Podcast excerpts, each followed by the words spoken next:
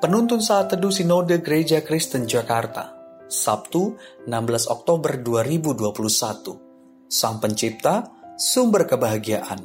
Dari Mazmur 119 ayat 2. Berbahagialah orang-orang yang memegang peringatan-peringatannya, yang mencari dia dengan segenap hati. Stephen Charney, seorang hamba Tuhan Puritan menulis, Orang yang menyangkal keberadaan Allah sama bodohnya dengan orang yang tidak menyembah Dia sebagai Allah. Allah wajib disembah karena Ia pencipta dan sumber kebahagiaan kita. Orang Yahudi memberikan alasan mengapa manusia diciptakan pada senja hari menjelang hari Sabat, agar manusia dapat memulai hidupnya dengan ibadah kepada Penciptanya. Begitu manusia menemukan bahwa dirinya adalah makhluk ciptaan, tindakan pertamanya sepatutnya adalah beribadah. Saudara, menyembah Allah sebagai pencipta, sumber kebahagiaan hidup yang sejati adalah ciri khas dari orang-orang yang tunduk hormat di hadapannya. Dasar kebahagiaan hidup mereka adalah Allah dan kebenaran firman-Nya. Hal inilah yang dikatakan oleh Raja Daud dalam Mazmurnya ini. Ciri khas hidup mereka adalah memegang peringatan-peringatan Allah – yang berarti mereka bertekun untuk menghidupi setiap kebenaran firman Allah di setiap waktu dan keadaan. Ciri khas yang lainnya adalah mencari Allah dengan segenap hati.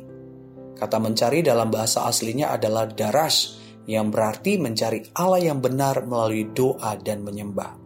Mencari Allah melalui doa berarti mengikuti kehendak Allah dalam hidupnya Selain itu, mencari Allah melalui menyembah berarti menundukkan seluruh hidup sebagai ciptaan di hadapan Allah Pencipta sumber kebahagiaan.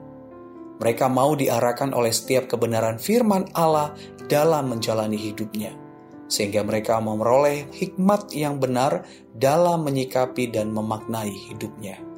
Saudara, siapa Allah bagi kita? Jika hanya sebagai pribadi yang harus mengerti, memuaskan, memenuhi setiap kebutuhan hidup kita, maka kita akan selalu menyembahnya hanya untuk kepentingan diri kita sendiri.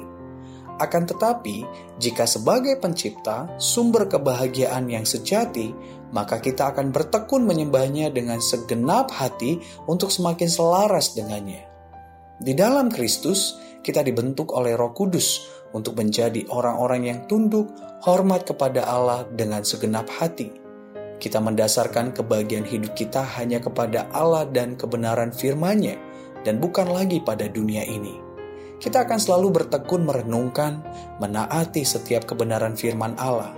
Selain itu, kita akan selalu bertekun mencari Allah melalui doa, yang berarti kita bersedia untuk mengikuti kehendak Allah terjadi dalam hidup kita, serta melalui menyembah, yang berarti kita menundukkan diri di hadapan Allah Pencipta, sumber kebahagiaan di setiap waktu dan keadaan.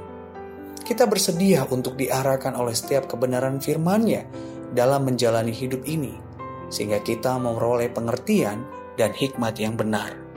Salah satu ciri khas penyembah Allah adalah memandang hidupnya berdasarkan desain Sang Pencipta dan menempatkan kebahagiaan hidupnya hanya di dalam Kristus, Sang Penyelamatnya. Tuhan Yesus memberkati.